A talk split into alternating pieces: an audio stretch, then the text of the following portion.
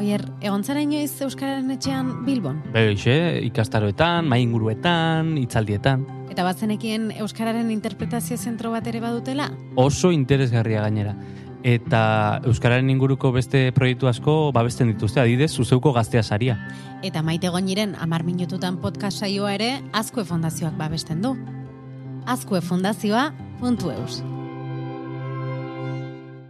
Donostiatik Iruñara eta Iruñatik Donostiara distantzia bera dago, baina bidea ez da berdina.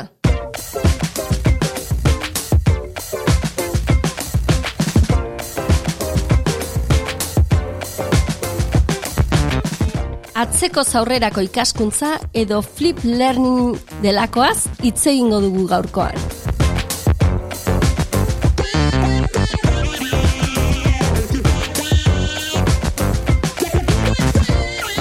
Maite oso moskeatuta utzin oso hasierako sarreratxoarekin eta eta flip learning honekin beti bezala nabil e, e, e, itxumustuan Vale. asmatu nahian. Bueno, ba, gaur e, atzeko zaurrerako ikaskuntzari buruz itzen behar dugu. Ba, ezagunagoa da flip learning bezala. Eta hau, e, ba, txosten guztietan, teknologia, hezkuntza eta horrela, e, aipatzen da, baina ez aurten, esan ere ja duela urte batzuetatik. Eta esan behar, ba, e, irakasle askok jada egiten dutela, e, e, Bai. enfoke didaktiko bat, orain esango dut zer dan, zehazki, egiten dutela, eta beste batzu, ba, hori beti bezala daude jendea alde dagoena, bestea, eta orduan pixka bat horren inguruan nahi dut gaur hitz egin, ez? Eta azteko, esango dugu zer dan definizioa, ez? Gelan adibidez egin beharreko hainbat ikaskuntza irakaskuntza prozesu hortik kanpora eramatea izango litzateke, ez? E, normalean izaten da aldez aurretik etxean lantzea eduki hoiek eta gero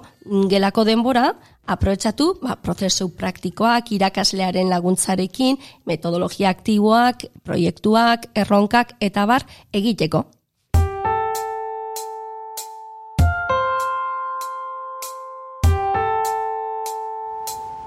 I'm Aaron Sams. We're here in Woodland Park, Colorado at Woodland Park High School. Flipped learning, I think, on a really basic level, is taking what has traditionally been given in a lecture in terms of direct instruction and shifting that out of the class time and then using that recuperated time more wisely, more valuably to really meet the individual learning needs of students. The way I got started doing this is I just started recording my lessons live for my students who were missing class and posting those online for them as a resource. They get to access it when they want to, and that could be at 10 o'clock at night, it could be 6 o'clock in the morning, it could be on the bus to, work, to the soccer game. Um, they have control of that. Students would watch those before they came to class, and then class time was work time, engaging in some uh, some higher order thinking, and we, so we didn't have to use our class time for direct instruction. We could shift that out of the class. Eta hu zertara dator, zer dela eta Bai. nondi, nondi datorra? Bai, e, bueno, zan nahi dut, e, askotan irakasleok oso horreza da ulertzeko, ez? E, irakasleok egiten dugu, itzegin, itzegin, itzegin, itzegin klasean. Eta gero, e, benetan lana egin behar dutenean, zerbait aplikatu behar dutenean teoria hori edo e, zerbait zaitxegoa dana, etxean egiten dute askotan laguntzari gabe. Eta orduan honen bitartez izango litzateke ondo da.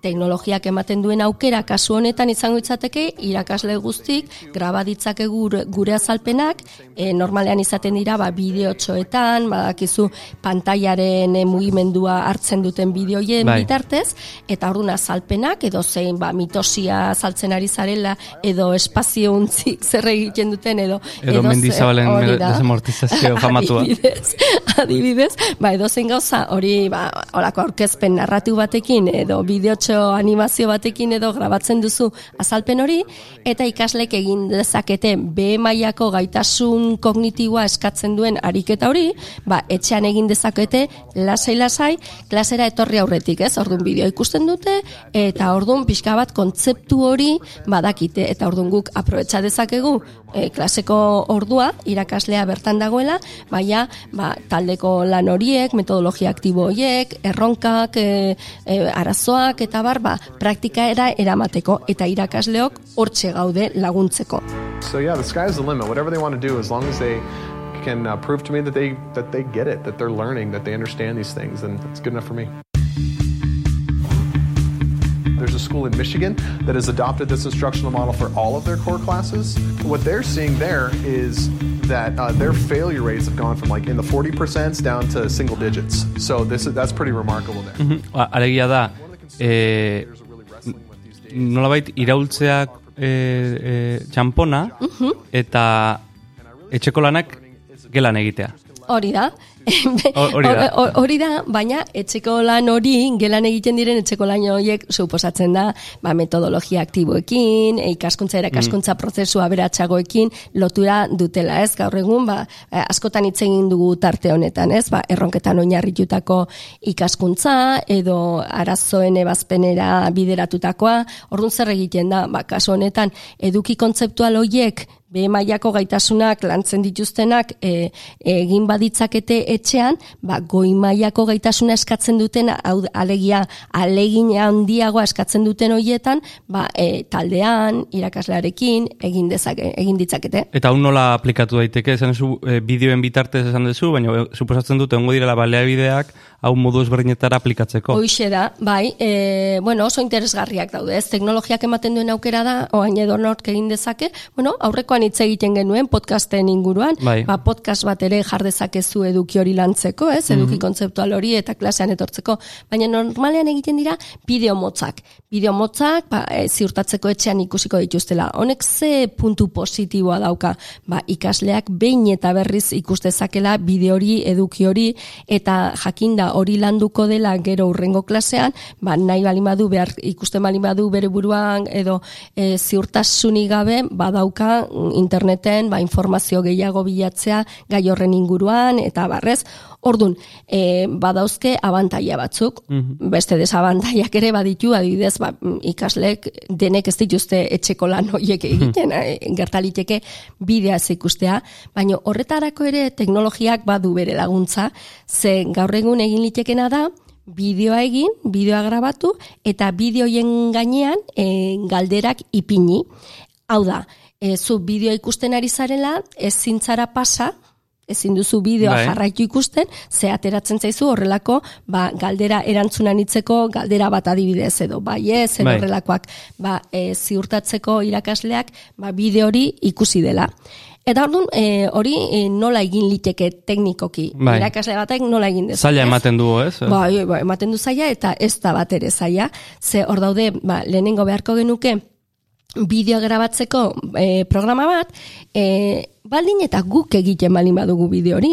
Ze gertali hor daude e, plataforma pila bat e, e, hezkuntzako eduki zoragarriekin, beste batzuek egindakoa, Bai. Akizu, eta gaina e, e, ba, mm, olako e, ja, e, eduki libreak direnak eta edonork erabiltzeko modukoak.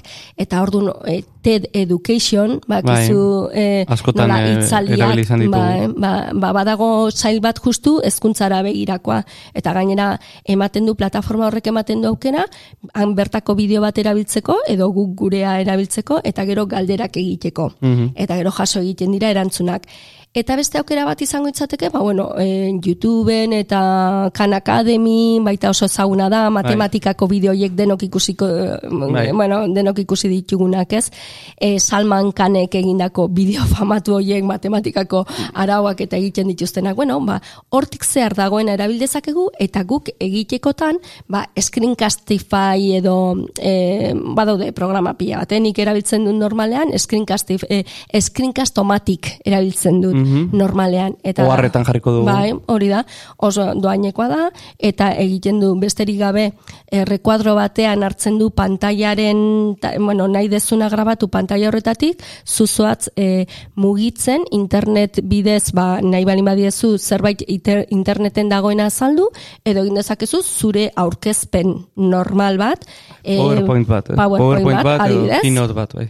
Adibidez, eta hori e, plazaratu edo hori e, ireki, eta hori joan komentatzen. Amaieran egiten dizuna da, bideo txiki bat, orduan ja, bideoaren zatia eginda daukagu esfortze handirik gabe. Falta dira galderak.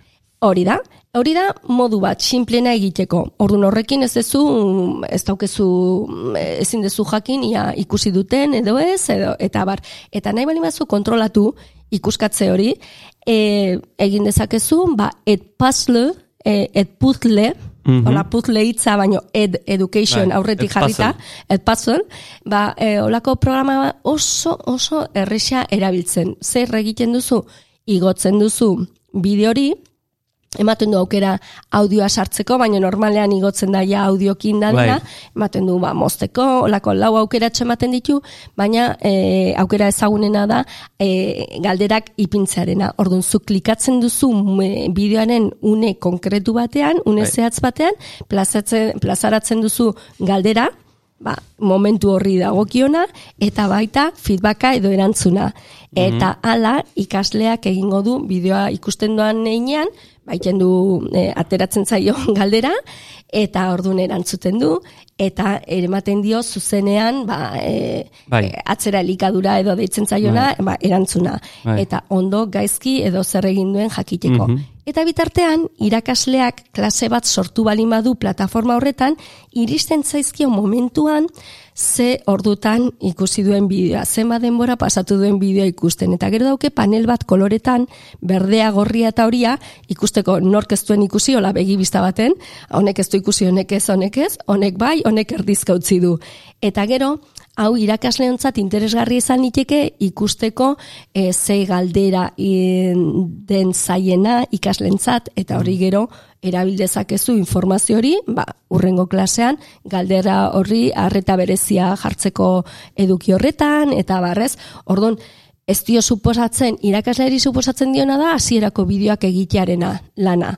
Baino e, nik askotan pentsatzen dejo, zenbat urte pasa dituan nik Euskaltzaindiaren arauak adibidez azaltzen.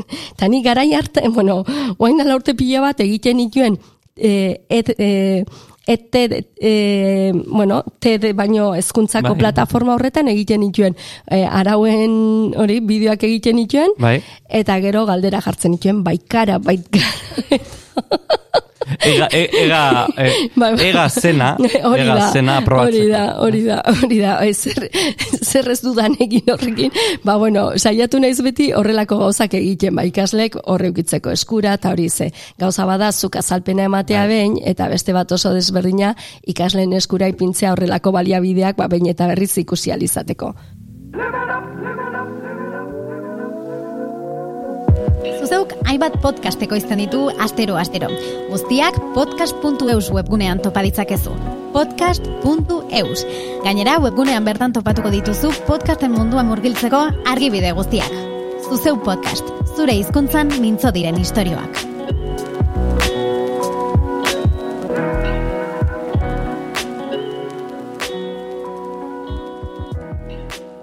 Zega interesgarria, maite gaurkoa, e, benetan zer pentsatu ematen du, e, bueno, no, norantza aldaket, norabide aldaketarrek. Bai, bai. E, zer, ze ondorio atera ditzake guzti ontatik? Bueno, e, nik beti esaten dut gauza, ber, e, gauza bera, ez? E, urbilpen pedagogiko ezberdinak ezagutzea oso interesgarria dela. Gero zuk kritikotasunez ikusteko erabiliko duzun, ala ez. Eta erabili nahi bali baduzu, noiz eta zertarako. Orduan horretarako oso importantea da.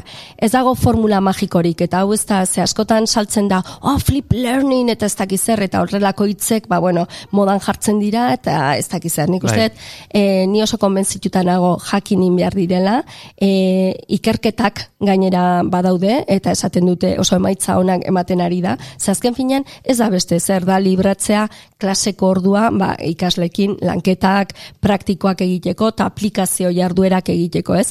Ordu nik behintzat, e, bai, e, ez ezkoa esan aurretik, ba, horrelako moda bat izan litekelako, ba, ondo hausnartzea, zertarako ezagutzea, ikustea, zer implikazio dituen, eta probatzea. Eta zerekin gelituko gara, beti bezala zerbait hartu behar dugu? Eh, Bai, bueno, ba, esan ditugu aplikazio pila badaude horretarako, eta, bueno, ez ditugunak aipatu, eh? baina, bueno, honen inguruko informazio zehatza eguneratua eta bar, bi eh, webgune eh, gomendatuko ditugu gaur. Bata da, FL Global, .org, Flip Learning Global, eh? inglesezkoa da, eta hor, ba, bueno, justu Jonathan Berman eta Aaron Sams irakasleek e, e, ipini zuten hau abian, eta horietako batek eramaten du webgunea, ordun beraz, jatorrizkoa da, eta i- oso webgune interesgarria, eta bestea gaztelaniaz, theflipclassroom.es. Ez. Eta horrere, ba, egunerak eta guztiak, eta, eta bar, orduan, norbait nahi bali badu gehiago jakin, ba, hortxe utzen, hortxe utzen ditugu bi horri hoiek. Ba, izan da guztia, gaur buelta eman diogu guztiari. Orrialdeari. Atzekoz, aurrerako irakaskuntzari buruz hitz egin dugu, oier. Bai, horrialdeari buelta, txamponari buelta, gure buruari Ari buelta. buelta eta denari buelta. Eta datorren astean, ba, beste buelta bat gehiago. Beste buelta bat, eta hobeto.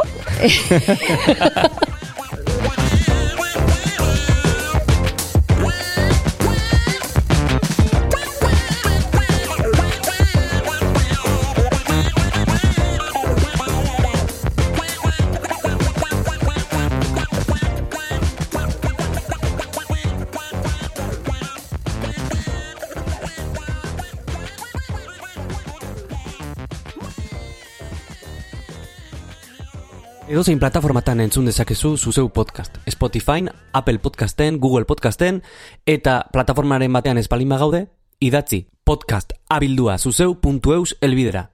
Hori da podcast abildua zuzeu.eus. Eta segidan igoko dugu plataforma horretara ere gure edukia. Eskerrik asko eta hurrengora arte.